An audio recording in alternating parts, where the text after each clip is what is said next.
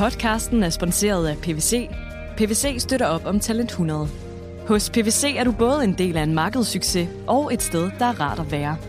Det er i samspillet mellem de to, at tilliden opstår, karrieren udvikler sig, og vi sammen skaber løsninger for erhvervslivet og for samfundet. Vil du være en del af vores stærke fællesskab i PVC, så tjek pwc.dk-karriere.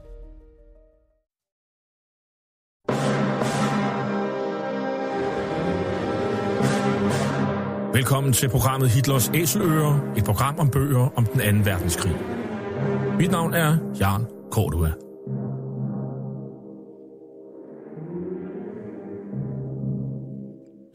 Den anden verdenskrig blev indledt den 1. september 1939 med den nazistiske Tysklands overfald på Polen. Der var tale om en racistisk erobringskrig, der kostede mellem 55 og 70 millioner mennesker livet, og hvor nazisterne systematisk myrdede jøder, romager, slaviske befolkningsgrupper, politiske modstandere og alle andre, der ikke lige passede ind i deres forestillinger om et ensartet folkefællesskab. Nazisterne de blev i årene efter krigen dømt ved krigsforbryderdomstolen i Nürnberg, og flere af deres organisationer, såsom nazistpartiet NSDAP, SS og Gestapo, de blev stemplet som ulovlige forbryderorganisationer. I den her serie, som vi har valgt at kalde for Hitlers Æsler, præsenterer vi nogle af de mange bøger, som i disse år udkommer om den anden verdenskrig. Danmark er Danmark endnu. Alle dets drømme og længsler ejer du, ejer du nu. Trods domme og forbud og fængsler. Hver gang fabrikker bliver bombet og brændt, er det som frihedens kornmod bliver tændt. Skriv det og tryk det og trykte igen. Danmark er hverken neutral eller ven. Det gælder din frihed. Ja, det gælder din frihed. Agitation på vers. Levende og dramatisk fremført af skuespilleren Ebbe Rode. I øvrigt fra en film af samme navn om Danmarks frihedskamp af Theodor Christensen, som blev lavet efter krigen på bestilling af Danmarks Frihedsråd. For i dag skal vi tale om modstandskampen under besættelsen, og derfor byder jeg velkommen til dig, Niels Biver Danielsen, journalist og historiker med speciale i besættelsestidens historie. Du har tidligere skrevet en biografi om Hitlers rigsbefuldmægtigede i Danmark 1942-45, Werner Best, og er medforfatter til blandt andet en bog om Gestapo-chefen i Danmark, Karl-Heinz Hoffmann. Du er dog i de senere år mest kendt som forfatteren til et øh, firebindsværk om modstandskampen med den overordnede titel Modstand, som alle er udkommet på politikens forlag.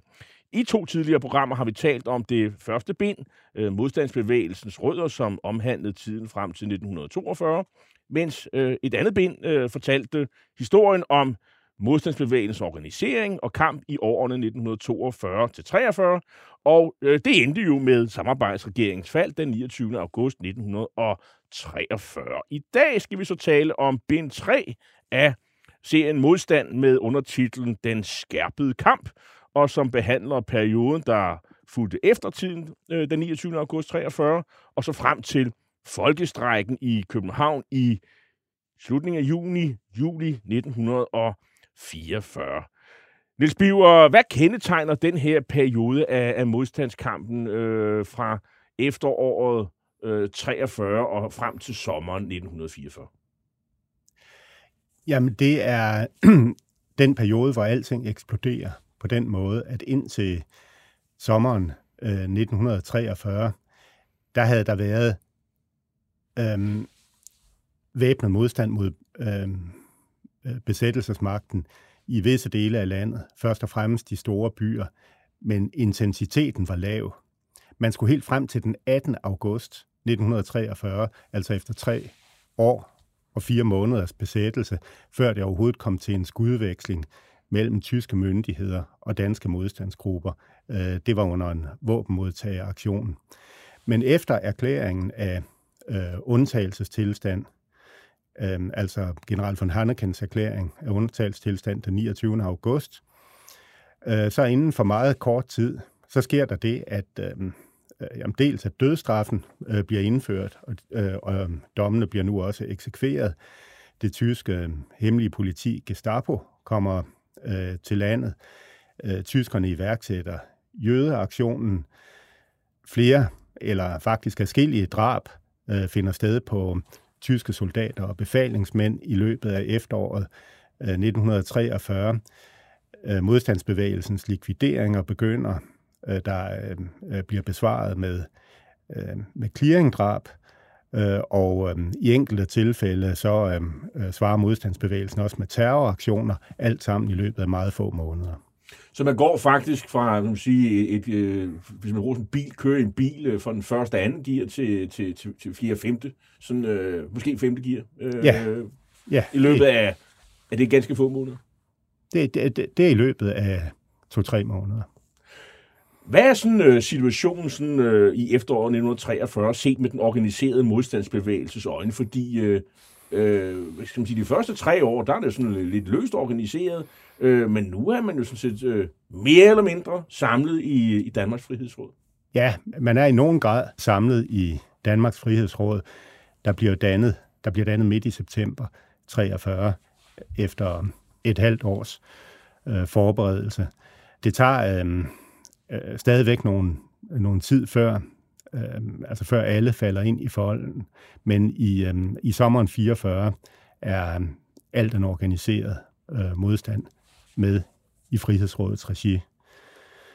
Og hvad er planen for Frihedsrådet? Øh, hvad, hvad, altså, hvad er den politik, man har tænkt sig? Man har jo, man er jo lykkes med at, at få samarbejdsregeringen til at, at falde sammen, øh, og, og nu er der så et, et kæmpende Danmark. Hvad, men hvad er målet? Altså, bortset fra at få smidt tyskerne ud, men det, det kan man nok ikke klare selv. Det ved man vel også godt på det her tidspunkt. Jamen, må, øh, øh, målet er at, øh, at deltage i øh, de allieredes kamp og øh, øh, sim- at få fjernet enhver udstående tvivl om, at Danmark er med på de allierede side, øh, den allierede side, øh, og det skal ske øh, øh, gennem øh, modstand mod den øh, tyske besættelse her og nu med alle midler. Men er der øh, tvivl om, øh, hvor Danmark står nu i øh, på det her tidspunkt, september, oktober 1943? Altså, der er ikke tvivl om, at, øh, at, at- at Danmark som nation har sympati øh, for de øh, vestallierede, øh, men øh, den øh, videre strategi øh, ligger ikke klar. Der er også øh, politikernes strategi, der jo stadigvæk har stor indflydelse, selvom de har frasagt deres øh, embeder. Og øhm, en mand som Udenrigsministeriets direktør, Niels Svendingsen, der øhm, øh, var en slags administrationsleder under øh, det direkte tyske styre, altså hvor embedsmændene udgjorde et kollegium, øhm, øh, der blev kaldt departementchefstyret, der ligesom kørte forretningen øh, Danmark videre og træffe de nødvendige beslutninger. Og for en mand som øh, Nils Svendingsen, der havde været meget tæt på øh, I- øh, Erik Scavenius, og som, øh, og som bestemt ikke var, øh, altså var tyskvenlig, men han mente, øh, altså han så lige til det sidste ingen pointe i den væbnede modstand. Så der var konkurrerende strategier, også selvom det ikke var udtryk for, at man var tyskvenlig. Men der var vel også et udland, der kiggede på Danmark, og det var vel også sådan til ære for udlandet i virkeligheden. Øh, og øh, de allierede, øh, og, der var vel ikke sådan en enighed hele vejen rundt øh, blandt de allierede om, hvorvidt Danmark var øh, et, øh, et, øh, et allieret land, for man var jo ikke et allieret land på det tidspunkt. Nej, det var der bestemt ikke. Dem, der hele, øh, hele tiden var øh, mest positive, øh, det var øh, Storbritannien.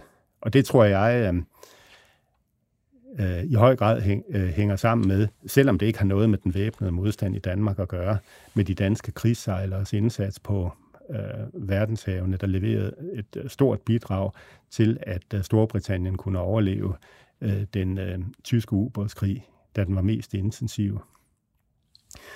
Og der sker jo også øh, øh, det i den periode, vi snakker om her, helt præcist første juledag øh, øh 1943, at øh, de danske skibe øh, får lov til at øh, sejle med Dannebro i allieret tjeneste. Det var sådan en indrømmelse, man mente, man kunne gøre på det tidspunkt. Men altså for de menige britter, øh, der har der ikke, altså hvor man ikke har kendt øh, de, øh, øh, altså de nærmere diplomatiske og politiske detaljer omkring Danmark, jamen der har det været klart, at Danmark har været en allieret nation. Og øh, øh, det var USA, øh, altså uden at man forholdt sig så tæt til det, som britterne gjorde, det var USA også i høj grad med på. Men det var helt anderledes med Sovjetunionen, hvor øh, det var ikke blevet glemt, at øh, øh, efter øh, det tyske angreb i 1941, der havde øh, Danmark afbrudt den politiske forbindelse og stillet med øh, Frikorps Danmark, der øh, faktisk var en elitestyrke, der øh, havde leveret en, øh, Øhm, øh, en markant indsats på tysk side øh, under øh, kampen i Demjanskedlen. Og det var også, øh, øh, det viste sig i øh, i den russiske holdning nu, at man var at efterhånden, så viste man vilje til at tale med Danmarks Frihedsråd. Men øh, det officielle Danmark og øh, politikerne, der sad bag kulissen, ville man overhovedet ikke have noget at gøre med. Men man kan jo sige, der har jo også været andre lande, der er blevet øh, som man sige, overfaldet af Tyskland, og, og hvor der sad eksilregeringer og repræsenterede sådan, det kæmpende Holland, det kæmpende Belgien, det kæmpende Norge. Øh, der, der var ikke nogen eksilregering øh, for det kæmpende Danmark. Der var Kaufmann i, øh, i, i, i Washington, men, men ellers så sad der jo indtil august 43 en, en regering, øh, og nu havde man det her mellemspil, hvor der jo ikke... Ja, der var, der, Danmark havde jo formelt set en regering, den virkede jo bare ikke. Altså, Nej. der var jo ikke gået af, fordi kongen accepterede jo ikke deres, øh, deres afsked. Nej, men, men, øh, men det vigtige, det var, at øh, øh, regeringen havde valgt ikke at tage noget politisk ansvar for det, der skete efter den 29. august. Og øh, jamen, Danmarks øh, formelle situation er jo helt speciel. Og øh, øh, man blev nødt til at bygge en, øh en slags surrogat op for en eksilregering. Altså dels øh, øh, sad der Kaufmann i Washington, øh, der øh, handlede selvstændigt på Danmarks vegne, øh, øh, ud fra sin egen vurdering af tingene. Og så, og den, dan, øh, øh den danske modstandsbevægelses kontaktmand til de vestallierede, lige fra 1940, øh, øh, det havde været Ebbe Munk i Stockholm, øh, korrespondent øh, for øh, Berlingske Tidene med virkelig stærke øh, britiske forbindelser og en øh, øh god øh, politisk fornemmelse, øh, da de øh, øh afgørende politiske løsninger skulle findes. Og her er vi altså frem i 44 øh, og 45. Øh, der var det i høj grad noget, Ebbe Munk formidlede.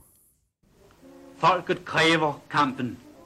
Danmarks Frihedsråd dannes for at organisere modstand mod tyskerne på alle områder og med alle midler, der står til folkets rådighed. Det kæmpende Danmarks øverste myndighed, Frihedsrådet, sætter kampen i system. Den målbevidste sabotage vokser til en offensiv mod fjenden.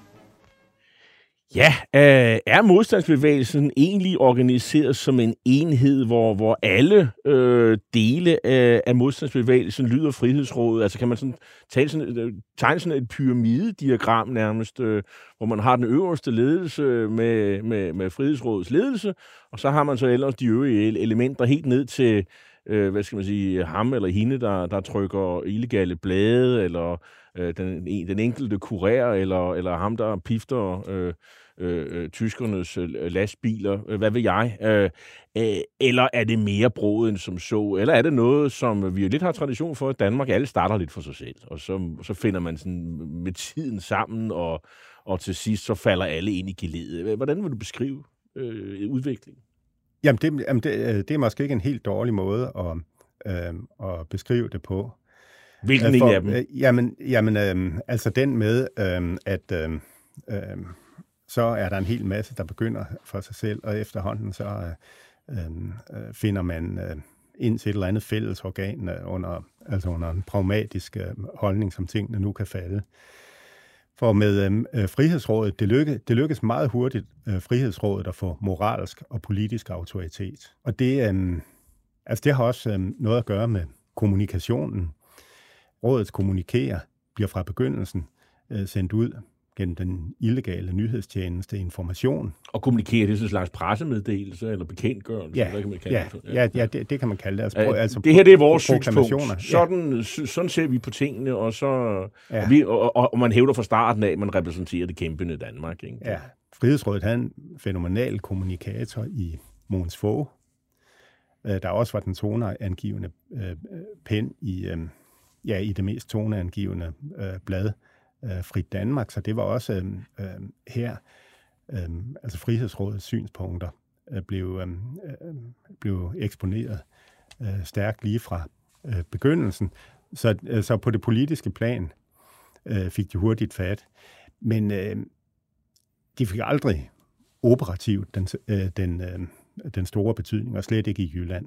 Og, og fra sommeren 1944, der går de øh, vigtigste dele af modstandskampen over til at stå under vestallieret øh, kontrol gennem hovedkvarteret i London. Men på det her tidspunkt, der er det vel i, i som er stadigvæk en opbyggelsesfase af frihedsråd, som at sige, øh, pondus. Øh, ja. øh, der, der, der står de stærkt, og, og det er vel det, at man folk begynder langsomt at sådan falde ind i, i, i geledet. De forskellige sabotageorganisationer, Holger Danske, BOPA. Man kan vel også kalde det de, ligesom de overlevende sabotageorganisationer, fordi der var jo også andre, øh, som vi ikke rigtig hører så meget om, men de øh, blev nærmest knæ, kvalt i fødslen. Øh, Dannevirke og andre øh, mindre organisationer, øh, de blev øh, optrævlet meget tidligt, øh, og overlever simpelthen ikke... Øh, Gestapo kommer til landet. Øh, så så det, det er vel en, det er en langsom proces, det her. Ja. Øhm, ja, det er også noget, der skal pro, øh, sådan professionaliseres. Altså, nu nævner du Dannevirke. Altså, det gik i oplysning, fordi øhm, øh, lederen H.C. Hansen, han simpelthen blev arresteret på sit kontor. Øhm, han havde et stort revisionsfirma. Ja, og det er ikke politikeren H.C. Hansen, det er en anden H.C. Ja, H.C. Sten Hansen. Okay. Ja, og på hans kontor, da han blev arresteret, øh, jamen der var en hel masse øh, navnematerialer og fortegnelser, og det ene og det andet, øh, og det ene og det andet vedrørende det illegale arbejde. Og det var jo ikke særlig professionelt. Og det er vel egentlig også, ja. skal man sige, når man læser din bog, bind 3 her, det er jo sådan set øh, fortællingen jo om hvad skal man sige, en, en ret tragisk fortælling om modstandsbevægelsen. Så vi jo nok har en tendens til at se sådan et gloværdigt øh, lys, og, og, og, ofte, og, og selvfølgelig også kigger på meget af det, der lykkedes. Og meget lykkedes faktisk, men øh, det er vel også i den her periode, at forerne skilles fra bukkene. Dem, der kan finde ud af det, man kalder for security, og dem, som aldrig øh, lærte det og tog det alvorligt. Kan man sige det? Ja, jamen det, det kan man. Og jeg, øh, altså jeg kan nævne et eksempel, øh, der var øh, der var modstykket øh, til, øhm, øh, til det med H.C. H.C. Øh, Sten Hansen. Blot en måned senere, der bliver fem øh, ledende medlemmer af BOPA arresteret. Og de begår godt nok den fejl, at de, er, at de har samlet sig på et værtshus, og derfor bliver arresteret og samlet. Men, øh, øh, men øh, der skete ikke noget videre på grund af de arrestationer, og BOPA øh, øh, fik en, en ny ledelse, fordi øh, securityen den simpelthen var så stram, at der var øh, øh grænser for, hvor meget de her arresterede ledere kunne fortælle. Og noget, der virkelig må have forbløffet tyskerne på det tidspunkt, BOPA fortsat med store sabotager, selv få uger efter, at de her fem ledende medlemmer var blevet arresteret. Det er jo også sådan, at øh, der er en... Øh der er en, en, skal man sige, en, en, en politisk uenighed meget tidligt, som du også beskriver her, som også får en vis betydning. Altså, øh, alle kan få øje på dem, du lige har hørt og talt om, øh, BOPA, som i øh, vidt omfang er en kommunistisk, men ikke kun, men overvejende kommunistisk sabotageorganisation. Så har vi øh, Holger Danske, overvejende borgerlig, men ikke kun, øh, øh, organisation. Og, og så har vi alt muligt øh, midt imellem, øh, men specielt kommunisterne øh, og, og den kommunistfrygt, som jo øh, sådan set har været meget fremtrædende i og sidder i i, i, øh, i stort set alle andre politikere end kommunisternes, øh, den er jo også meget fremtrædende. Man er, man er bekymret for, hvad kommer der til at ske. Og i, i efteråret 1943, det er jo efter Stalingrad, det er efter, at man er gået i land i, på Sicilien. Øh, alle forventer på et eller andet tidspunkt, så går de allierede i land i, i, i Vesteuropa. Det vil sige, man kan øjne den dag, hvor Danmark er der er frit. Og på det her tidspunkt, der spiller det jo sådan set allerede en, en rolle i, øh, jamen, øh, Øh, våbenfordeling. Altså en ting er, de, at man kan give øh, øh, kommunisterne noget sprængstof, men våben, dem skal de ikke have for mange af. Og det er specielt, skal man sige, de folk, der er i, i militæret, som, hvor mange af dem jo på det her tidspunkt i efteråret, i hvert fald officeren, de er jo interneret øh, i, øh, i, i, i kølvandet på 29. august. Mange af dem sidder jo i, i, i lejre. Øh, godt nok, de, altså det er jo ikke noget, man kan sammenligne med sådan noget fangelejre, men de, de har fået, fået taget deres frihed. Og mange af dem ser på kommunisterne, øh, og vedbliver med at se på kommunisterne, med, med meget stor skepsis. Ja, det, øh, øh det gør de, og den øh, frygt for kommunist, øh, kommunisterne, den, øh, den fik sin første kulmination i efteråret 1943.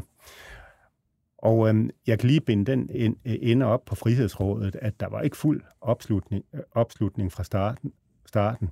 Der var en del af de øh, borgerlige illegale blade, Øhm, for eksempel den øhm, øh, toneangivende redaktør af bladet Hjemmefronten, Nils Jørgensen, øh, der, øhm, øh, altså der, der ikke kunne godkende øh, rådet som samlet ledelse for modstandskampen, fordi han mente, at den kommunistiske indflydelse var for stor.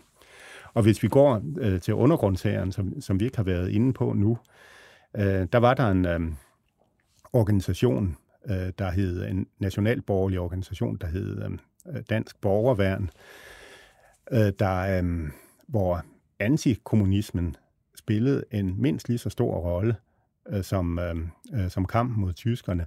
Og de var de allerseneste øh, øh, til at slutte sig til Københavnsledelsen, og det vil altså sige til Frihedsrådets øh, øh, organ der.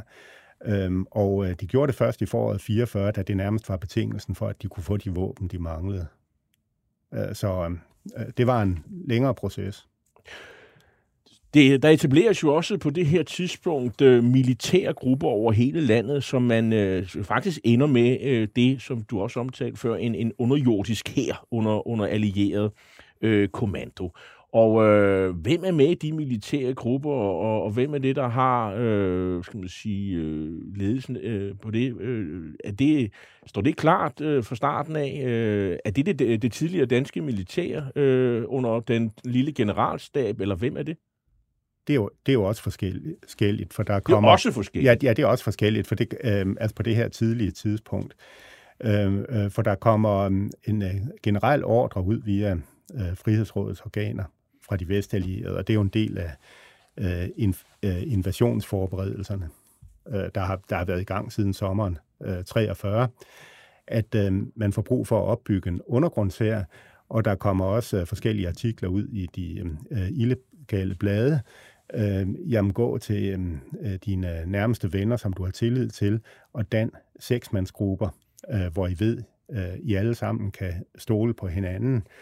Øhm, og det er så meningen, at man skal indordnes i, øh, øh, altså i kompanier, og senere bliver det så øh, endnu større øh, enheder. Det øh, skal være undergrundshæren. Og det sker både i dansk samlingsregi og i øh, Bopas regi. Og dansk samling, det er det politiske parti, som eksisterer på det her tidspunkt. Et ja. nationalt øh, konservativt parti er det vel på en eller anden ja. måde også, ikke? Ja, øh, og øhm, øh, det var det eneste øh, øh, lovlige parti, som havde været eksplicit imod samarbejdspolitikken på et meget øh, tidligt tidspunkt, og som var modstandspionerer. Det var et meget lille parti. Indtil øh, valget i 1943 var de slet ikke repræsenteret i Folketinget. Derefter kom de ind med nogle øh, få mandater, men øh, de øh, leverede en klar pionerindsats. Og man har et indtryk af, at stort set alle, der var aktive i dansk samling, de var også øh, med i modstandsbevægelsen på en eller anden led. Det har man lidt, lidt indtryk af. Ja, øh, ja. Fordi de var så små, men de var enormt syge og enormt, enormt aktive.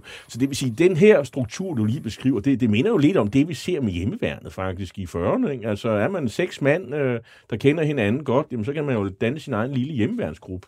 Ja. Øh, er det det, der er tankegangen her? Øh, er man inspireret af det der... Øh, Øh, I Sverige har de vel også noget, der minder om det her, eller hvad?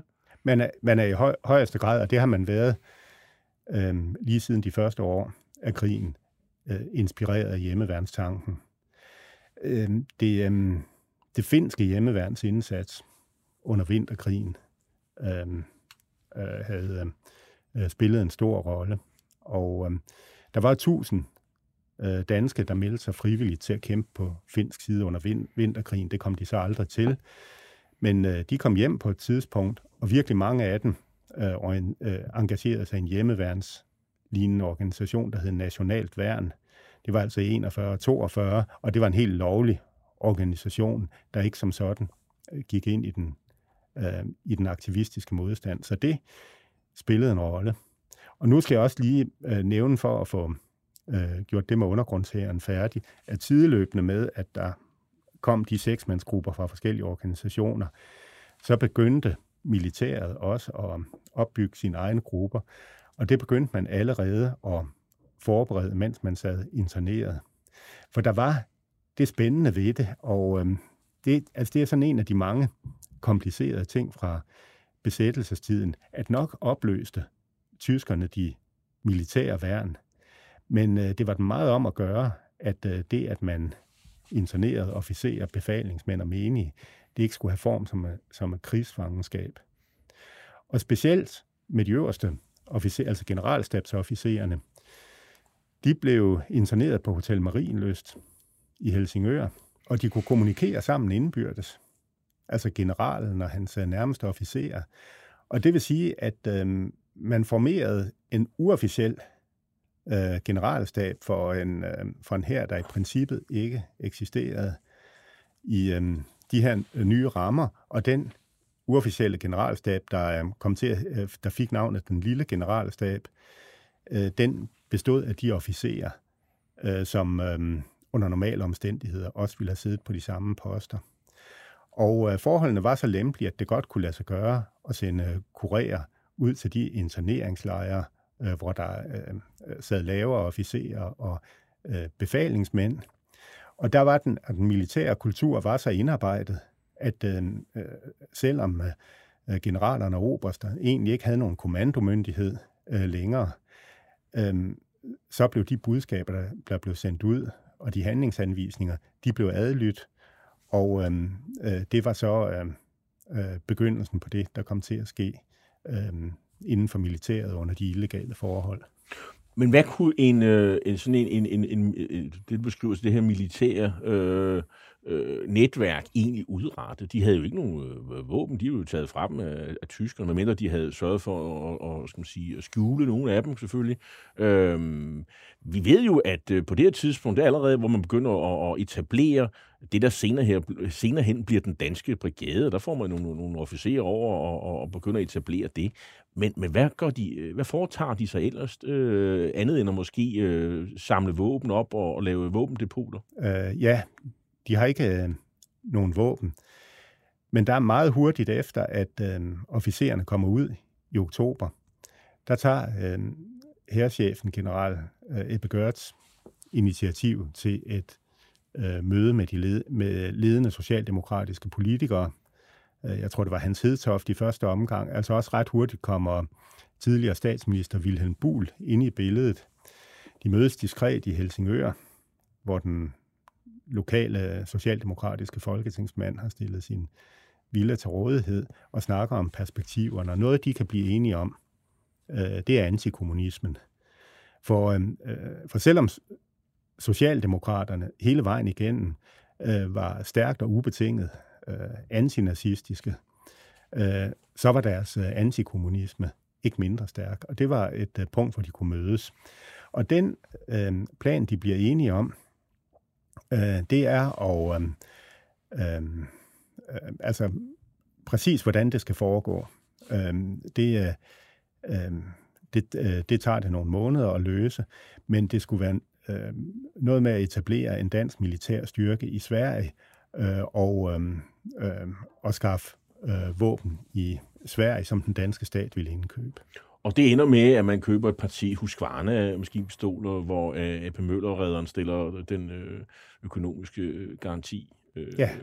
Øhm, men det er vel også noget med, at, at øh, den her organisation, øh, at de, øh, de officerer, de er sådan rimelig effektive til at, at indsamle informationer øh, i øh, Vestpå, hvor man jo på det her tidspunkt står det jo ikke klart, hvor de allieredes invasion kommer, så det vil sige, øh, Danmark er jo potentielt jo en mulighed, altså den jyske vestkyst, det ved tyskerne også godt, det er derfor, de sender Rommel op. Ja, og øh, altså med hensyn til øh, det med invasionen, der har jeg, der har jeg været nede i øh, erindringer fra, fra mange menige modstandsfolk, og øhm, mange af dem, de øh, øh regnede simpelthen med, at invasionen kom i Danmark. Øh, for eksempel en øh, modstandsleder fra øh, Randers, han øh, regnede simpelthen med, at øh, der ville lande allierede tropper på Djursland i sommeren øh, 1944. Og det, og det handlede om, at øh, den uh, propaganda, der var formidlet gennem Frihedsrådet og, uh, og andre aktører i Danmark, den havde været så konsekvent uh, målrettet, altså uh, med, med formål at lave den her vildledning, øh, der skulle få tyskerne til at tro, at øh, invasionen kunne komme øh, hvor som helst, og nærmest alle andre steder end i Frankrig. Øh, og, øh, men altså, som, som du siger, militære efterretninger var vigtige, og, øhm, øh, og det var... Øh altså det var noget, der var et øh, stort kapitel og de, skulle, og de, kører, de tog simpelthen over og konstant og hele tiden og fandt på alle mulige øh, på, på, skal man sige, påskud til at, at være rejsende i alt muligt, og, og for ja. at ligesom holde øje med øh, skal man sige, de forbindelser, der var, altså de troppe, troppebevægelser, der var, som, så London havde en idé om, hvad der var, der foregik. Øhm, øhm, I efteråret 43 øh, står det jo klart, at tyskerne vil tabe, øhm, i hvert fald for de allerfleste. Øh, det betyder også, at Frihedsrådet skal også have en idé om, øh, klar idé om, hvad er det for et, et samfund, øh, man øh, kæmper for, øh, der vil etablere sig efter krigen. Øh, og det får man jo også øh, kommunikeret, øh, og man kan sige, det, og det her, skal man sige, den her samfundsramme, øh, eller vision, kan man, kunne man kalde det, det er jo altså en, hvor de øh, skal man sige, nationalkonservative på højrefløjen og øh, kommunister som øh, Mogens Fogh, men det lykkedes ikke desto mindre øh, at, komme med det. Øh, hvad, hvad er det, man forestiller sig fra Frihedsrådets side? Jamen, det lykkedes på den måde. Jeg kan lige begynde med en ting om det konservative Folkeparti. Øhm, for det, øhm, altså, de, de var en vigtig øh, spiller i øhm, den her sammenhæng. For, altså, det lå altså, i deres DNA, at øh, øh, man skulle øh, øh, have gjort militær modstand øh, den 9. april øh, 1940. Det var dybt forkert, at man ikke gjorde det. Men, men hvad tog man så af konsekvenser af det der øh, bagefter? Der var nogle dele øh, blandt de konservative, der blev ved med at være øh, altså have antikommunismen helt fremme. Men så var der også andre, og det var for eksempel miljøet på øh, nationalsiderne, hvor man sådan politisk var i samme retning, men hvor man hurtigt var inde på, øh, jamen vi må øh, samarbejde med kommunisterne. Og det var så blandt andet om Frit Danmark, for det handler om at få tyskerne ud af landet. Og så var der øh, andre dele af det konservative parti, der holdt sig til det, øh, til det lovlige politiske arbejde. Men øh, øh, øh dem, der var kompromisvillige i forhold til kommunist, kommunisterne, de var enige om at få indflydelse i Frihedsrådet. Øhm, øhm, øh, den slags, øh, øh, og, det, og det var nok det, der var Niels Jørgensens øh, primære øh, anke, at øh, den øh, øh, konservative fløj, fløj, der holdt mest fast i antikommunismen, de havde ingen indflydelse i Frihedsrådet. Og en af de ting i programmet, øh, der er øh, i, øh, i programmet, når Danmark er der er frit. Som det hed. Som det hed, ja. Øh, der kom i øh, november 1943. Jeg ved ikke, om det lige frem blev husstandsomdelt, men det kom i et meget, meget stort øh, antal eksemplarer. Men der kon- konstaterer man, at det med øh, skyld og ansvar om øh, øh, det ene og det andet i forhold til den 9. april, det finder vi det ikke opportunt at diskutere. Mm-hmm. Og øh, det, man så stillede danskerne... Det er en indrømmelse til samarbejdsregeringen øh, og de gamle politikere. Ikke? Ja, ja, sådan blev det i hvert fald ikke fremstillet. Nå. Øhm, altså, øhm, øhm, altså i... Øhm, altså i, i, i Frihedsrådets version der. Men øh, altså det var, det var tvært, tværtimod, at det var et spørgsmål, som man var nødt til at lade ligge i enhedens navn. Mm. Øh, skulle man have gjort øh, øh, det ene eller det andet, eller øh, var et eller andet øh, forræderi, øh, eller øh, skulle der gøres øh, øh, tages nogle retslige skridt i øh, den anledning, øh, der havde øh, der jo havde været et kæmpe, øh, et kæmpe spørgsmål i den illegale presse nogle få måneder før. Så man skulle ikke tale om det, der skal man sige, gjorde, der splittede? Nej, Øh, og det, altså det, det fik man simpelthen sendt til Jørgens Bak, det mm. spørgsmål. Mm. Og så samlede man sig om et budskab, der hed en ubetinget genindførelse af det parlamentariske demokrati. Øh, og det var ikke øh, så stor en selvfølge, øh, som det kan lyde, lyde i dag. For øhm, øh, Dansk Samling og andre dele af højre, øh, højrefløjen havde været skeptiske over for det parlamentariske demokrati, og øh, kommunisterne øh, så jo overhovedet ikke parlamentarisk demokrati som noget vigtigt. Så det var en stor indrømmelse øh, til den øh, folkelige enhed. For det første demokratiet, og så skulle der være et øh, retsopgør, øhm, og også mod øhm, øh, de østfrontfrivillige, selvom det havde været lovligt, at øh, øh, de meldte sig til øh, Frikorps Danmark i 1941. Og øh, øh, der skulle være mulighed for øh, straffe med tilbagevirkende kraft, og den lov skulle gå tilbage til, øh, til den 9. april 1940, selvom der havde været en samarbejdspolitik med parlamentarisk opbakning. Så her var man, øh, øh, her havde man allerede øh, øh, øh lagt, øh, lagt tingene ud for, øh, hvordan det kom til at blive frem mod befrielseskompromiset i 1945, at Danmark skulle have en ny udenrigspolitik med tilbagevirkende kraft. Men øh, dele af militæret var, som, som blev nævnt, øh, bekymret for kommunisterne. Man ville ikke rigtig udlevere våben til dem. Øh, hvordan samarbejdede de her militære kræfter øh, med øh, modstandsbevægelsen bevægelsen, krigen igennem? Det blev hele tiden et spørgsmål om, om våben. Øh, det var noget, som øh, de militære kræfter havde styr på. Øh, de var også dem, der kunne... Øh, hvad skal man sige, alt det her med våbenbetjening, øh, det var jo ikke noget, de her ganske, ganske unge mennesker kendte til. Der var selvfølgelig nogle øh, gamle øh, Spaniens frivillige, som kendte til våbenbetjening øh, hos kommunisterne. Men øh, det var i høj grad et, som sige, et, øh, det, var, det, var, det var de gamle soldater. Det var dem, der vidste, hvordan man øh, håndterede våben, og, og, og det var de jo sådan... De, der så de så lidt for, hvem de var, de øh, oplevede de her ting, eller hvad? Jamen, helt, helt, helt klart. Og, øh, øh, og det var det... Øh, øh, det var ikke bare et samarbejdsspørgsmål, Nej. det var et, øh, brændende politisk skæld. For øhm, øh, de civile modstandsgrupper, øh, de stod jo for det, der havde været modstandspionerernes øh, holdning lige fra begyndelsen. Øh, vi skal ind øh, i, øh, vi skal have Danmark ind på den allierede side, og det gør vi ved at bekæmpe øh, Øh, tyskerne her og nu. Øh, med det vi har, det fortsætter vi med øh, til det slutter.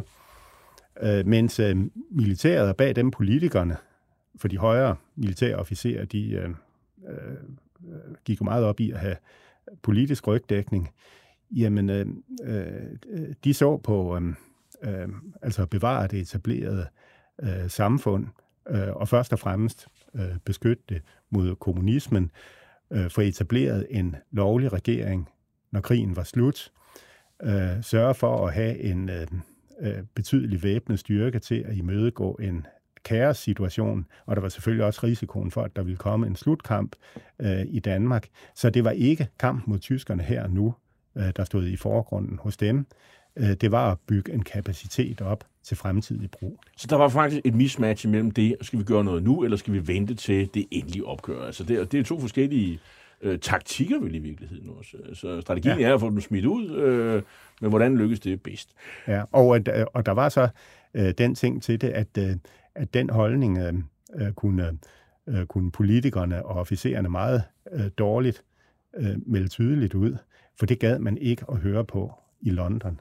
Specielt der ville man kun høre på et øh, dansk bidrag til kampen mod tyskerne her nu. Og det var også derfor, at øh, London gjorde sig den ulejlighed at smide våben ned. Øh, det var fordi, det skulle bruges nu. Det var ikke fordi, det skulle bruges øh, de sidste dage op mod øh, en befrielse.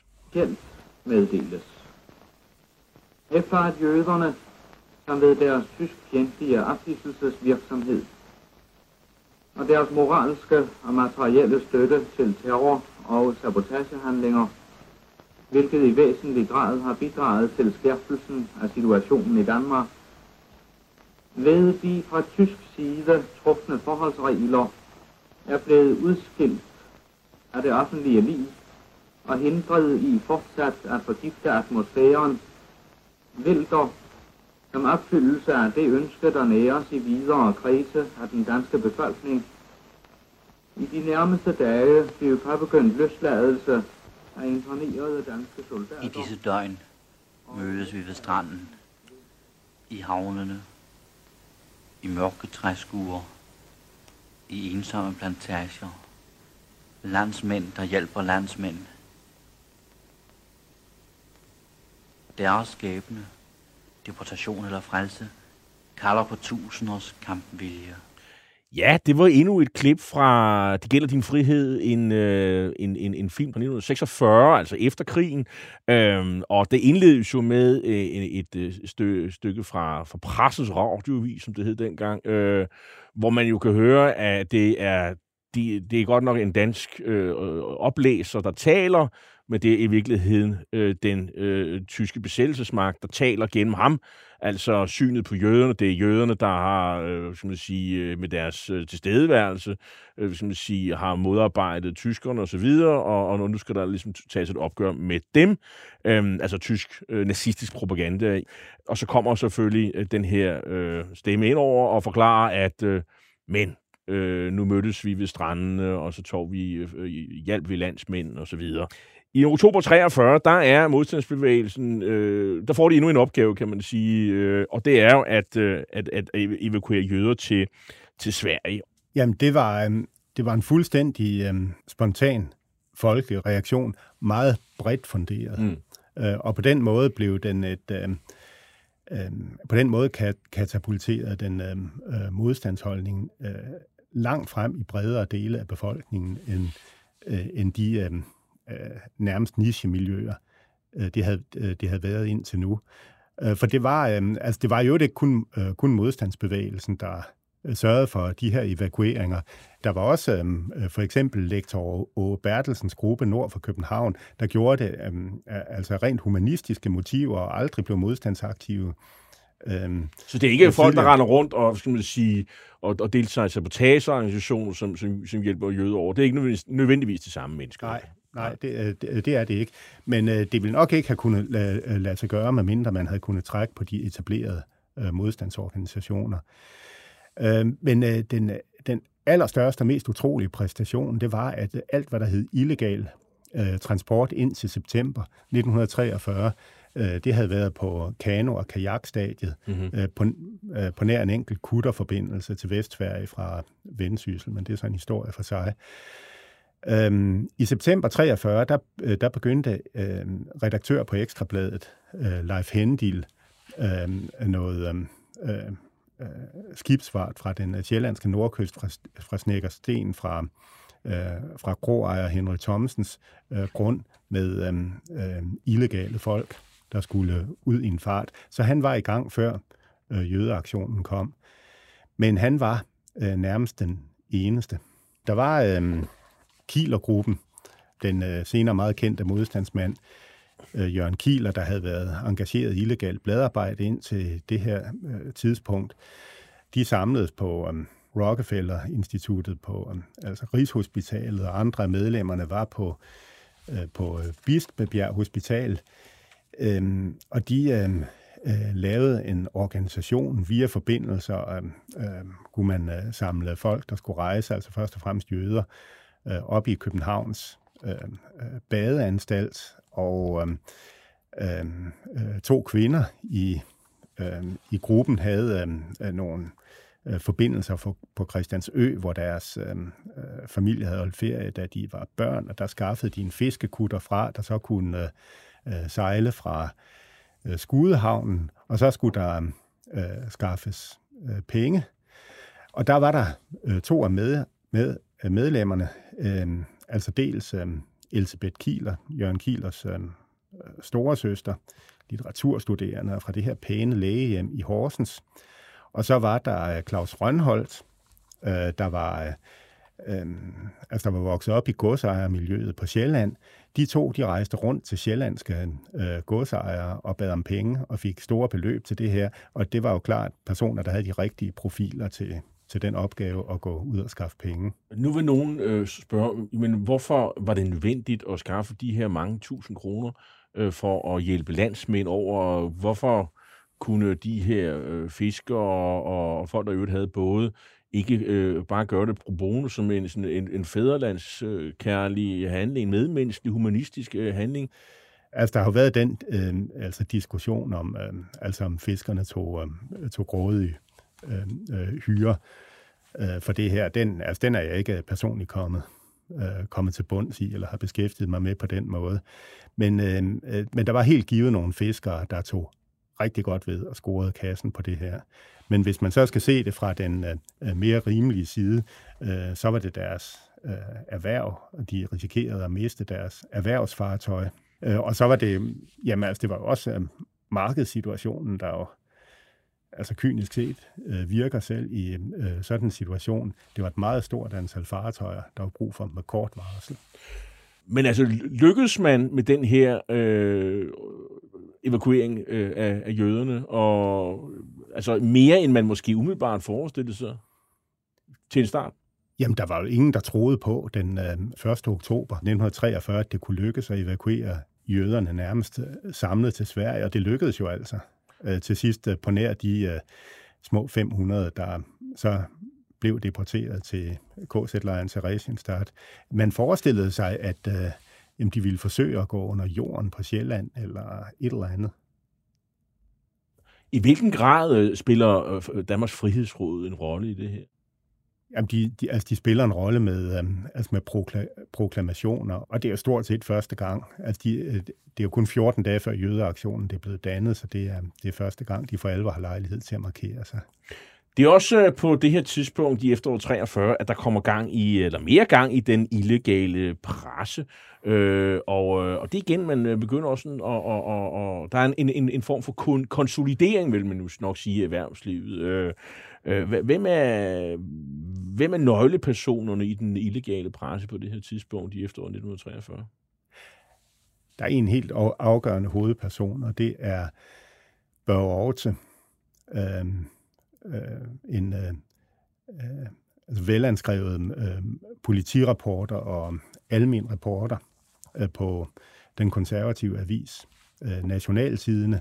Han var øh, tidligt begyndt på det her illegale pressearbejde som, øh, som en sideaktivitet, fordi der var en del af de ting, man vidste på redaktionerne, som man bare ikke kunne skrive.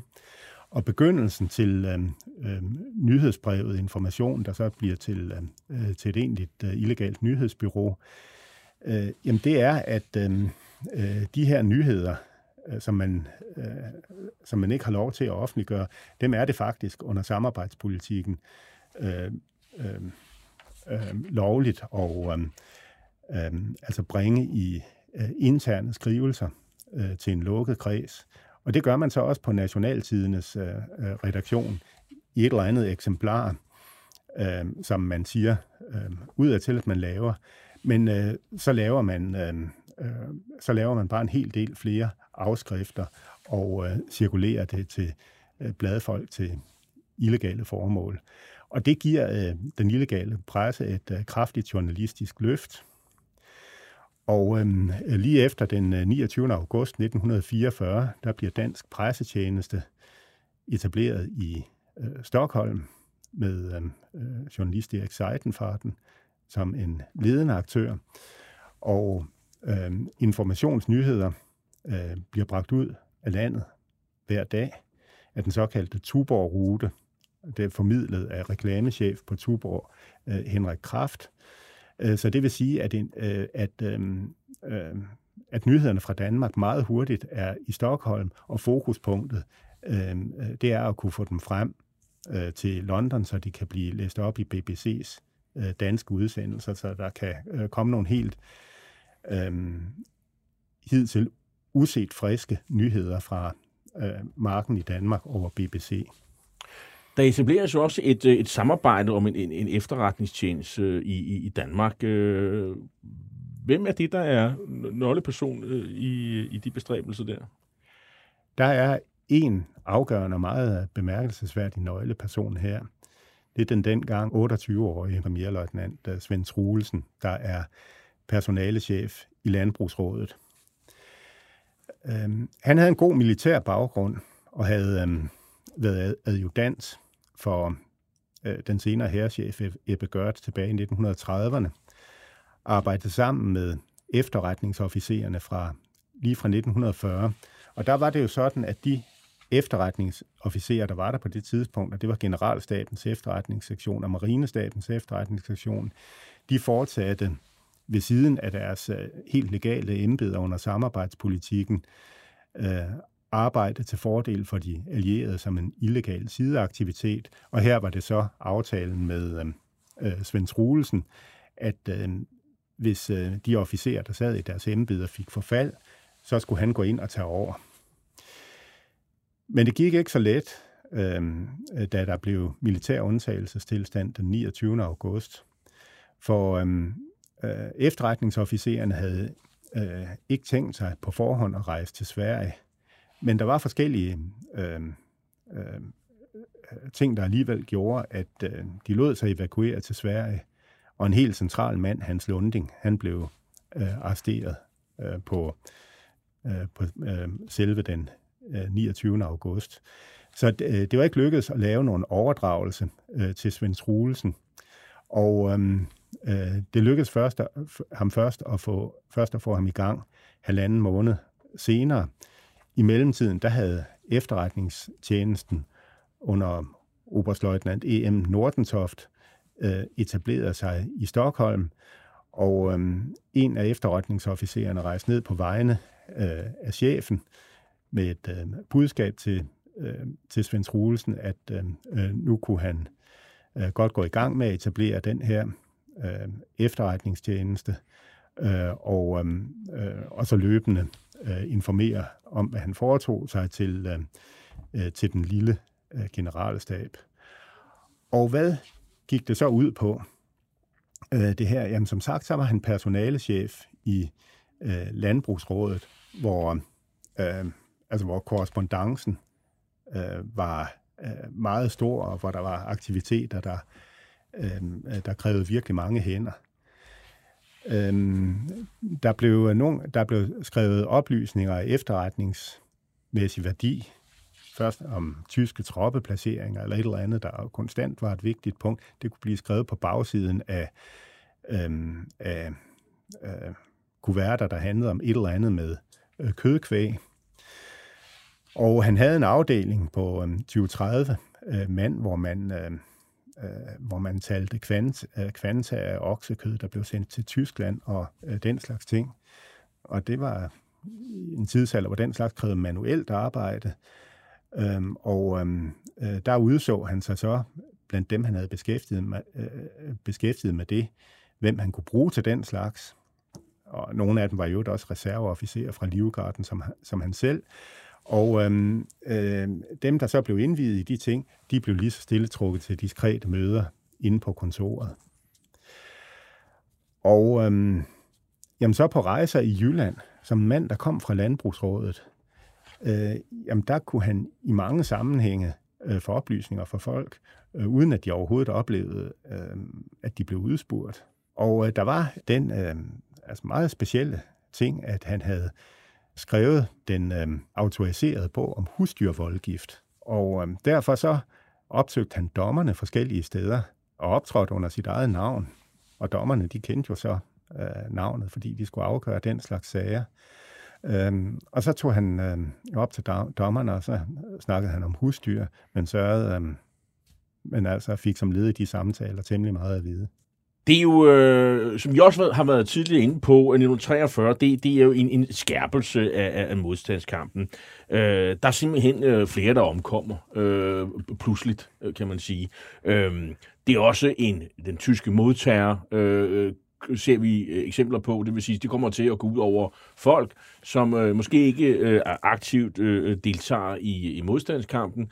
Og, øh, og man kan sige, det er også på et tidspunkt, hvor modstandsbevægelsen selv øh, tager flø- fløjlshandskerne af, og, øh, og, øh, og hvor man måske også skal finde en, en model for, hvordan øh, modstandskampen øh, skal foregå. Altså, hvad kan man tillade sig, hvad kan man ikke tillade sig. Og, øh, og det går jo også galt. Øh, blandt andet så øh, er der en, øh, en bombeaktion mod Café Mokka. Øh, og Café Mokka lå øh, oppe på skal man sige, øh, det der i, i dag hedder, den, den del af strøget, der går fra Rådhuspladsen og ned til Gammeltorv og Nytorv, det lå øh, øh, i, på, på venstre side, meget bekendt, øh, øh, ikke så langt fra, fra selve Rådhuspladsen. Og, øh, og, det, og det er sådan set øh, et af de meget få eksempler på egentlig terror, kan man vel sige, fra modstandsbevægelsens side. Hvad er det, der, der skete der? Øh, og, og, og, og, og det blev vel egentlig øh, Niels Bio Danielsen, og, og hvad fik det sådan en øh, betydning efterfølgende?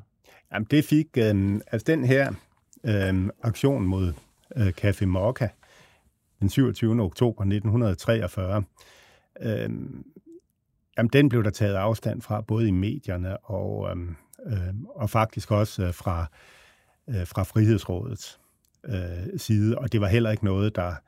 Øh, altså, der var den her, og så en øh, lidt mindre tilsvarende aktion øh, øh, tidligere på måneden. De kom ikke til at gentage sig. Og det, der skete, krigen. det var, en, det var en, det var, Café Mokka var samlingssted for, for tyske soldater, Ja. og deres, øh, skal man sige, danske veninder. Og, øh, og der, der, ja, der, det var, hvad kan man sige, en helvedesbombe, det, som øh, lemlæstede på øh, øh, nogle af de her gæster. Ja, jamen jeg, kan, altså jeg har faktisk øh, altså til det her formål øh, øh, taget noget med, jeg kan øh, læse op, for det var, øh, altså det var faktisk nogle Bopa-folk, øh, øh der lavede den her aktion.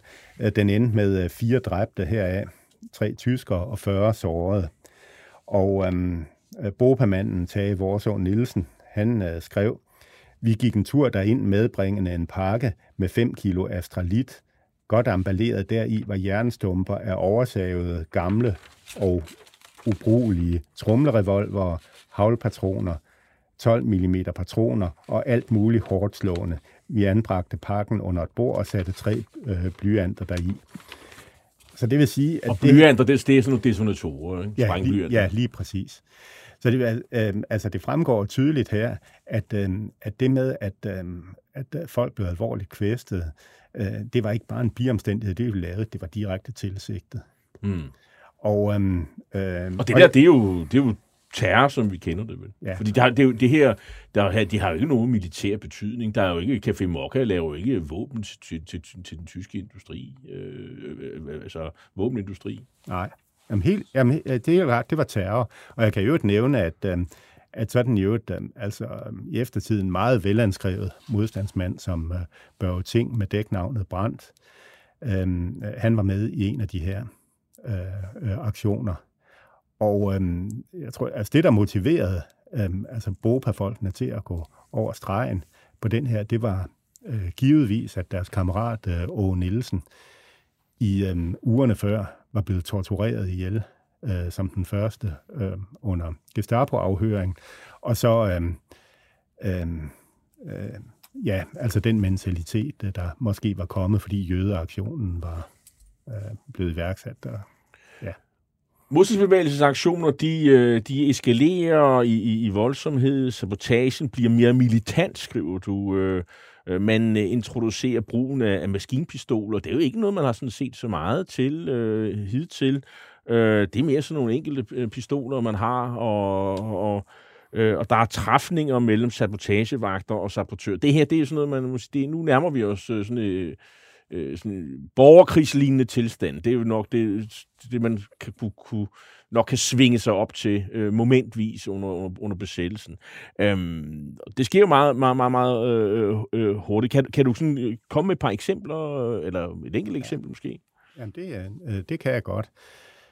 Øhm, for eksempel i... Øhm, øh, altså, der, er, en- der er en sabotage, der ville have fået større øh, omtale i modstandshistorien, hvis det ikke øh, øh, var fordi, at øh, altså ved et tilfælde, så medførte det kun nogle få kvæstede. Men i Aalborg, øh, øh, der øh, lavede man en sabotage mod det tyske kommandantur, i oktober 1943, hvor der om natten øh, øh, var en mand, der kravlede op på øh, taget på, øh, på den seks etagers høje bygning og sænkede et øh, langt tov øh, ned gennem en skorsten, hvor der var en springladning øh, øh, med afstand øh, svarende til øhm, øh, afstanden mellem etagerne, øh, sådan at øh, øh, når tidsindstillingen øh, øh, den udløste af sprængningerne, øh, så ville der gå en bombe af på hver etage. Og egentlig så skulle øh, øh, sprængladningerne have, øh, have gået af om natten, men øh, der var sådan øh, fejl på den, øh, så, øh, øh, så eksplosionerne skete øh, kl. 8.15 om morgenen, da alle var mødt på arbejde. Og hvis man forestiller sig, at 20-30 tyske militære personer var blevet dræbt øh, her, det havde øh, givetvis ført til nogle øh, øh, repressalier, der ville være blevet husket. Og det er altså et eksempel på et, øh, øh, altså på et øh, øh, altså virkelig sådan barskt angreb på et tysk militært mål.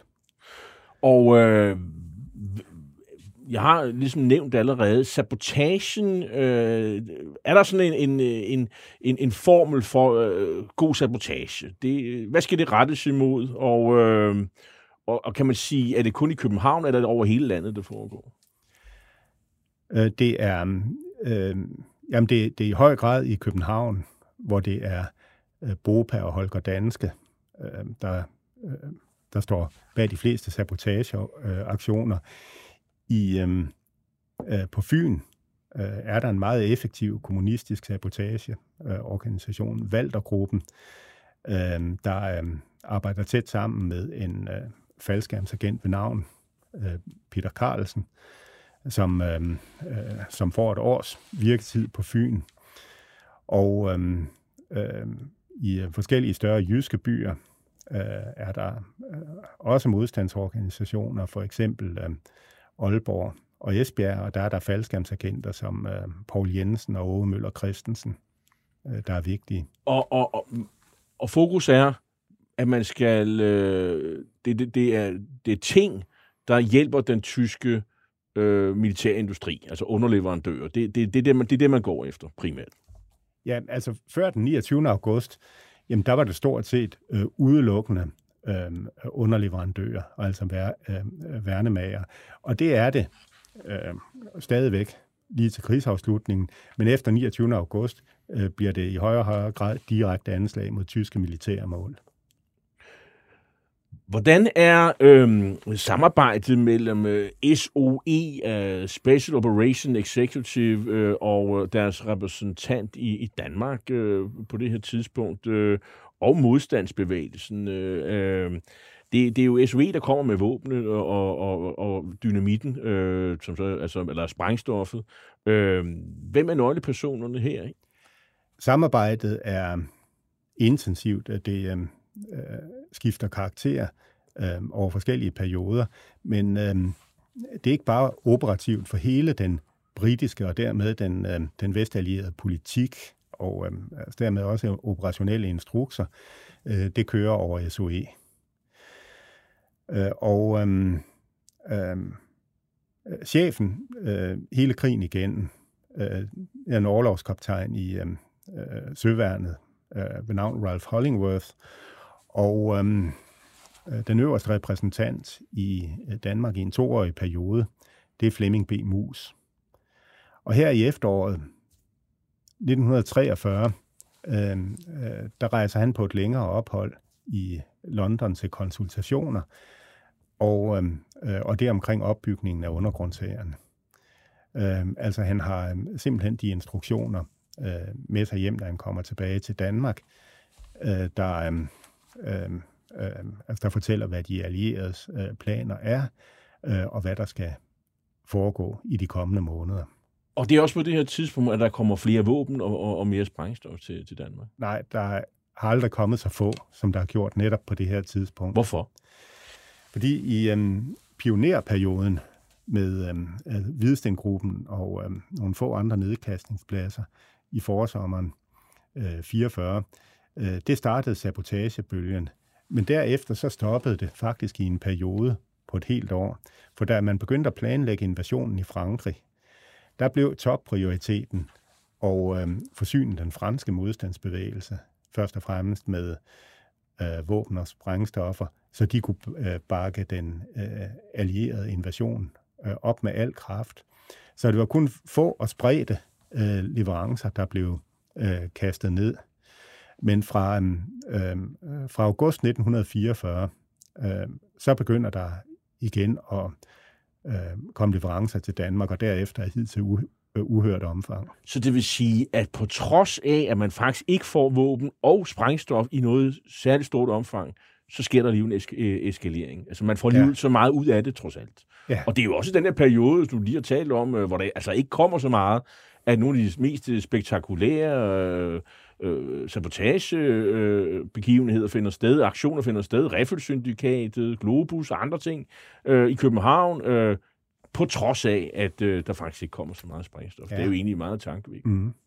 Vi skal også omkring øh, våbennedkastning. Det er jo sådan en helt kapitel for sig selv, men det blev organiseret i den her periode. Det er der, hvor at øh, en, en, en fremtrædende person som Jens Tolstrup, Øh, Øh, og det er jo specielt, det, det er jo Jylland, det hele foregår. Øh, Nordjylland, har, har Nord- Midtjylland. Det er der, øh, ned, nedkastningen foregår. Men det er der, skal man sige, organiseringen øh, begynder at, at, at tage form. Ja, øh, og det er ikke øh, øh, noget frem til omkring SOE øh, lige før. Det var, at øh, organisationen blev ramt af en decideret katastrofe øh, øh, i december 43, januar 44. Der var tre faldskærmsagenter, der blev øh, anholdt i Aarhus øh, sammen med deres øh, lo, logiværdinder. Og, øh, øh, og to af dem, de blev altså presset til at give meget omfattende oplysninger, og de viste rigtig meget. Øh, og det førte til nogle meget voldsomme retsjager i øh, januar, som man tog sig god tid til gennem en hel måned at øh, planlægge. Øh, og den øh, rullede hele øh, modtagerorganisationen i Nord- og Midtjylland og, øh, op. Også chefen, øh, Christian Ulrik Hansen, øh, blev øh, arresteret.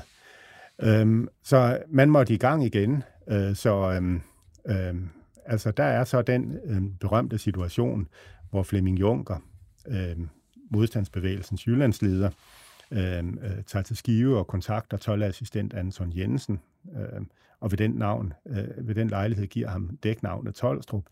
Det er et legendarisk møde, øh, hvor øh, altså, der går meget på, at øh, øh, Juncker havde set hans helt specielle personlige egenskaber, men en anden del af situationen var også, at han var det eneste mulige emne. Der var simpelthen ikke andre. Øh, man startede simpelthen fra scratch. Fuldstændig. Øhm, det er jo også i den her periode, som vi har nævnt, Gestapo ankommer til landet i, i, i 43. Øh, og hvordan ændrer det situationen? Fordi øh, det er jo en frygtelig effektiv øh, øh, organisation, og, og den her historie, du beskriver, det er jo en, en det er jo, en, som jeg nævnte før, en, en tragisk historie, men man optravler store dele af, af modstandsbevægelsen. Hurtigt. Ja. Det er, Ganske hurtigt. Ja, og øhm, øhm, altså en del af virkeligheden øhm, øh, før den 29. august, øh, det var, at, øh, at langt de fleste modstandsfolk, øh, de risikerede som det værste øh, at blive fængslet af dansk politi. Der var så nogle situationer, hvor sabotører kunne blive ude, øh, udleveret til tysk krigsret, men altså for de fleste, der var, da, der var det de danske myndigheder, der, der var den værste konsekvens. Men øh, Gestapo kommer øh, til landet, begynder med det samme at bruge tortur under afhøringer. Man er øh, enormt god øh, til, at, øh, til at bruge danske stikkere. Det er faktisk et, en øh, forudsætning for, at de kan lave deres arbejde. Det er, øh, det er meget få øh, øh, egentlige er ratchager, øh, de bliver i stand til at iværksætte alene øh, øh, ud fra tysk øh, politis eget arbejde, og det øh, giver også i løbet af få måneder nogle forfærdelige konsekvenser. Og, og det bliver jo så også her på det her tidspunkt, at man introducerer øh, clearingdrab som repressalier. Hvad, hvad er et clearingdrab, og kan du give nogle eksempler? Jamen, clearingdrab, det er øh, altså set fra tysk, øh, altså fra tysk side, og her øh, var det, øh, altså der var, der var helt afgørende, det var, at man var begyndt at skyde øh, tyske militærpersoner, altså også øh, danske håndlanger, øh, at der vil, man, øh, øh, der vil man lave en gengældelse. Og øh, sidst på året, øh, 1943, der bliver øh, det, der senere bliver kendt som Petergruppen, øh, dannet. Øh, der en tophemmelig øh, enhed. Ja, øh, som hvis identitet ikke engang blev kendt af, af folk i det tyske politi. Ledet af en tysker, men med danske håndlanger. Øh, I begyndelsen udelukkende øh, tyskere, og så øh, bliver det meget danske håndlanger fra midt i 1944. Men øh, det allerførste forsøg på clearingdrab, øh, øh, det var lige før nytår øh, 1944, øh, og det var en øh, øh, national sønderjysk øh, redaktør, der boede i øh, øh København, og som man øh, altså mente lavede øh, tyskfjendtlig virksomhed, sådan i al almindelighed, øh, uden man havde noget specielt på ham. Øh, der mødte man op efter øh, mørkets frembrud, øh, og så øhm, øh, skød man ham øh, i øh, overværelse af hans kone og børn, øh, og mirakuløst set, så, øh, så døde han altså ikke af det. Og så øh, fire dage senere, så, øh, øh, så kom det mor på Kai Munk, som er velkendt. Wir hier in Deutschland sollten fünf Dänen Diesen Befehl habe ich von vornherein nicht durchgeführt und auch nicht daran gedacht, sondern das Verhältnis 1 zu 1 gelangt. Und trotzdem, dass Sie nicht mit äh, diesem Befehl des Führers einverstanden waren, haben Sie doch die Befehle weitergegeben. Ich habe den Befehl, der von der höchsten Persönlichkeit eines, meines Staates, meines Volkes kam, trotz meiner persönlichen Bedenken, nachdem ich meine Bedenken vorgetragen habe, so milde wie möglich En landevej durchgeführt. Silkeborg. En landsbykirke i Vestjylland.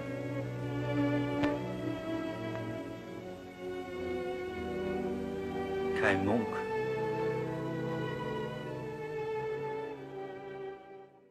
Øh, det er Günther Panke, der forklarer her efter krigen, at han øh, mildnede Hitlers krav om repressalier, og øh, og det udstiller øh, Theodor Christensen så med sin krydsklipning til mordet på Kai Munk i filmen Det gælder din frihed. Og øh, mor på Kai Munk, øh, hvad, hvad får det af betydning? Jamen, det, øh, altså det får en yderligere øh, altså tilslutning til modstandsbevægelsen, gør på grund af den øh, øh, enorme rystelse over, at man øh, øh, skyder en national øh, kendt kulturpersonlighed. Øhm, og øhm, han har påtaget sig en øh, martyrrolle, for han har, han har fra prædikestolen i øh, efteråret 1943, altså han har direkte, altså, altså med rene ord, som man normalt kun så brugt i den illegale presse, hvor det var anonymt, øh, opfordret til oprør mod, øh, øh, mod tyskerne og øh, bad Gud sørge for, at der ville komme et tysk nederlag og sådan noget. Øh, og øh, Og, og, og, på et tidspunkt er han jo også meget øh, klar over, at det får jo konsekvenser. Det siger han jo på et tidspunkt. At jeg havde regnet sådan set med, at på en dag så kommer der en, øh, en regning øh, og, og skulle betale ja, for ham selv. Ja, det er... Øh, men, øh, og, og øh, øh, altså også det, at, øh, at øh, politikerne går så ud med øh, en, en, erklæring om, altså politikerne, der ikke har nogen embeder, øh, om at man i lige grad må, altså man må tage afstand fra øh, det attentatvæsen, der er fremme, øh, altså hvor det må blive opfattet øh, sådan, at øh, sådan et øh, drab som det på Kai Munk, det bliver øh, sidestillet med modstandsbevægelsens likvideringer. Og det er jo også noget, der øh, altså væk, vækker rystelse og diskussion. Werner Best, han, prøver jo sådan på at, at, at, at, at styre løgene. Det blev, fordi det blev værre og værre med, øh, med sabotageorganisationen. Det blev mere effektiv. Øhm, og han forsøger så, så med at erklære en gisselpolitik for at stanse sabotagen. Og hvad er det for en gisselpolitik, øh, og, og lykkes han med det?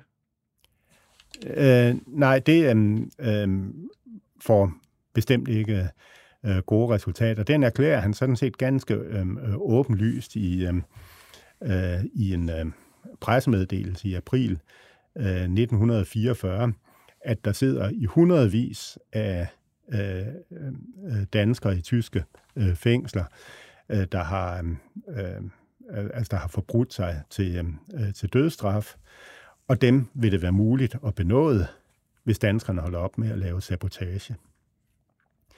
Og øh, i, de, øh, i de følgende knap tre måneder, øh, øh, der sker det den ene gang efter den anden. For eksempel en sabotage på B&V, og to dage efter. To henrettelser i Ryvangen. øhm, øh, sænkningen af fire skibe øh, på skibsværftet i, i Svendborg. Yderligere to henrettelser i Ryvangen. Og øhm, for den berømte sabotage på øhm, Globus, øhm, lavet af BOPA, øhm, den førte til, at øhm, to medlemmer af modtagergruppen i Hornslet blev henrettet to dage efter.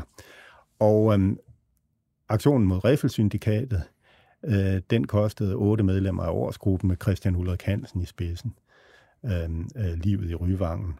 Og, øhm, men øh, danskerne blev ved med at lave sabotage. Og det er vel også her, man ligesom skal teste hvad skal man sige, modstandsbevægelsens øh, øh, karakter, kan man sige. Vil I fortsætte med det her? Det får nogle konsekvenser for jeres kammerater, landsmænd.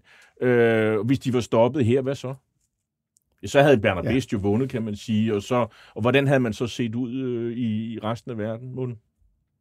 Havde man haft der forståelse havde- for at stoppe det? Nej det, stoppe nej, nej, det havde man bestemt ikke haft øh, øh, forståelse for.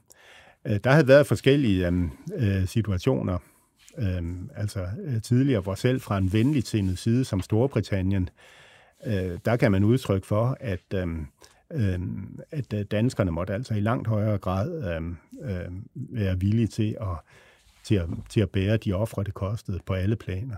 Nu er vi fremme i juni 1944. De allierede er gået i land i Nordfranke den 6. juni, og, øh, og man kan sige, det bliver ligesom værre og værre øh, forholdene i, i, i Danmark. Og det kulminerer jo sådan set sidst på måneden øh, med det, det, der eftertiden øh, øh, er gået over i historien som folkestrækken i København. Flammer i Københavns ubefærdede gader, talrige protestbål, vort svar på tyskernes overgreb. Og med naturfænomens kraft udbryder der en alt omfattende i millionbyen. Samtlige fabrikker, forretninger, private og offentlige kontorer lukker. Telefonen svarer ikke. Alle trafikmidler, sporvogne, S-tog stanser. Det er den største nationale demonstration i Danmarks historie. Den slår ud i spontane aktioner mod venner af det tredje rige. En af dem havde et stormagasin på Nørrebro. En sydlandsk sommer sidder over København. Det er den 1. juli, strejkens anden dag. Klokken 12 overtager den tyske general Richter den udøvende magt på Storkøbenhavns område. Med øjeblikkelig virkning er al trafik til og fra København forbudt. Tyskerne gennemtvinger, at der afbrydes for forsyningerne af gas, vand og elektricitet. Men en million mennesker forvandles til en million kammerater, og i den indesluttede by møder tyskerne en modstander, de ikke forstår. En million mennesker løfter stilheden som våben mod tyskerne. Ja, igen øh, et stykke fra, fra filmen. Det gælder din frihed, som altså blev produceret efter krigen. Og, og det er jo helt tydeligvis et af de helt gyldne øjeblikke i besættelsestidens historie. Øh, folkestrækken. Hvor, hvor længe varede den, og, og hvorfor opstår den, øh, Nils Bjørn Danielsen?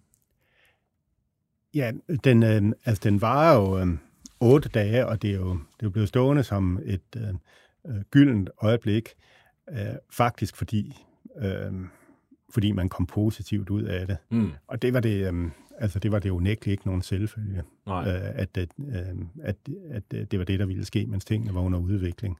Men øh, trods trusler, så, øh, så bliver man bare ved. Og hvad er det, man bliver ved med at gøre? Man nedlægger arbejdet, først ja. og fremmest. Hvorfor sker det? Øhm, altså, efter um, Riffelsyndikatet henrettet, henrettelsen af Hjort fra årsgruppen, så øhm, øh, syder og bobler tingene i København, og øhm, øh, Petergruppen springer jo tivoli i luften. Øh, og natten til den 25. Øh, øh, juni, øh, der bliver øh, øh, fabrikkerne Ambi og Nordværk i øh, Rysgade saboteret. Samme aften, øh, der erklærer øh, Werner Best øh, udgangsforbud øh, til klokken 20. Så det er altså den rigsbefuldmægtige, der kommer med et udgangsforbud. Det er det, der udløser det. Ja, det er det. For det er jo, det er jo midt om sommeren, og øhm, altså i de små lejligheder øh, i det indre København og så videre. Øhm, øh, så dagen efter, øh, der erklærer arbejderne på B&V en øh, gå tidligt øh, hjemstrække. Øh, og øh, altså i de følgende dage, øh, så har vi øhm, øh, de situationer med... Øh, øh, altså hele befolkningen ude i øh, Københavns gader. Der blev bygget barrikader blandt andet. Ja, men altså, øh, tysk militær begynder at, øh, at patruljere, og, øh, og det gør det nazistiske Schalburg-korps også i deres, øh, i deres øh, sorte uniformer. Øh, og, øh, og inden for et par dage, øh, Øh, jamen så er øh, halvdelen af byen i sådan en øh, øh, gå tidlig hjemstrække.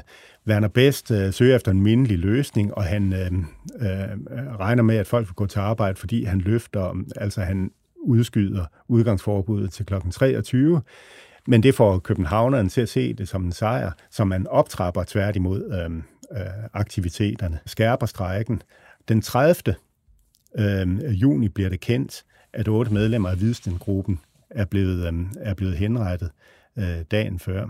Og der udvikler det sig til en, øh, øh til en generalstrække, og øh, Werner Best øh, siger sådan, at nu må københavnerne altså smage pisken, og så bliver der lukket for, øh, for strøm, øh, gas og vand, øh, og der bliver øh, erklæret øh, undtagelsestilstand. Militær undtagelsestilstand. Militær undtagelsestilstand, ja. Og hvad betyder det, når det er militær undtagelsestilstand? Jamen, det betyder, at øh, øh, som øh, det kunne ses på opslagene, at alle forsamlinger på over fem personer ville der uden varsel blive åbnet ild mod. Det er dramatisk. Ja. Og hvad gør københavnerne så? Der bliver så mere roligt i, øh, i gaderne, og øh, folk fra Schalburg-korpset øh, forsøger at få ryddet barrikaderne og øh, sådan noget ved simpelthen at fange folk ind og beordre dem til at, til at rydde vejen.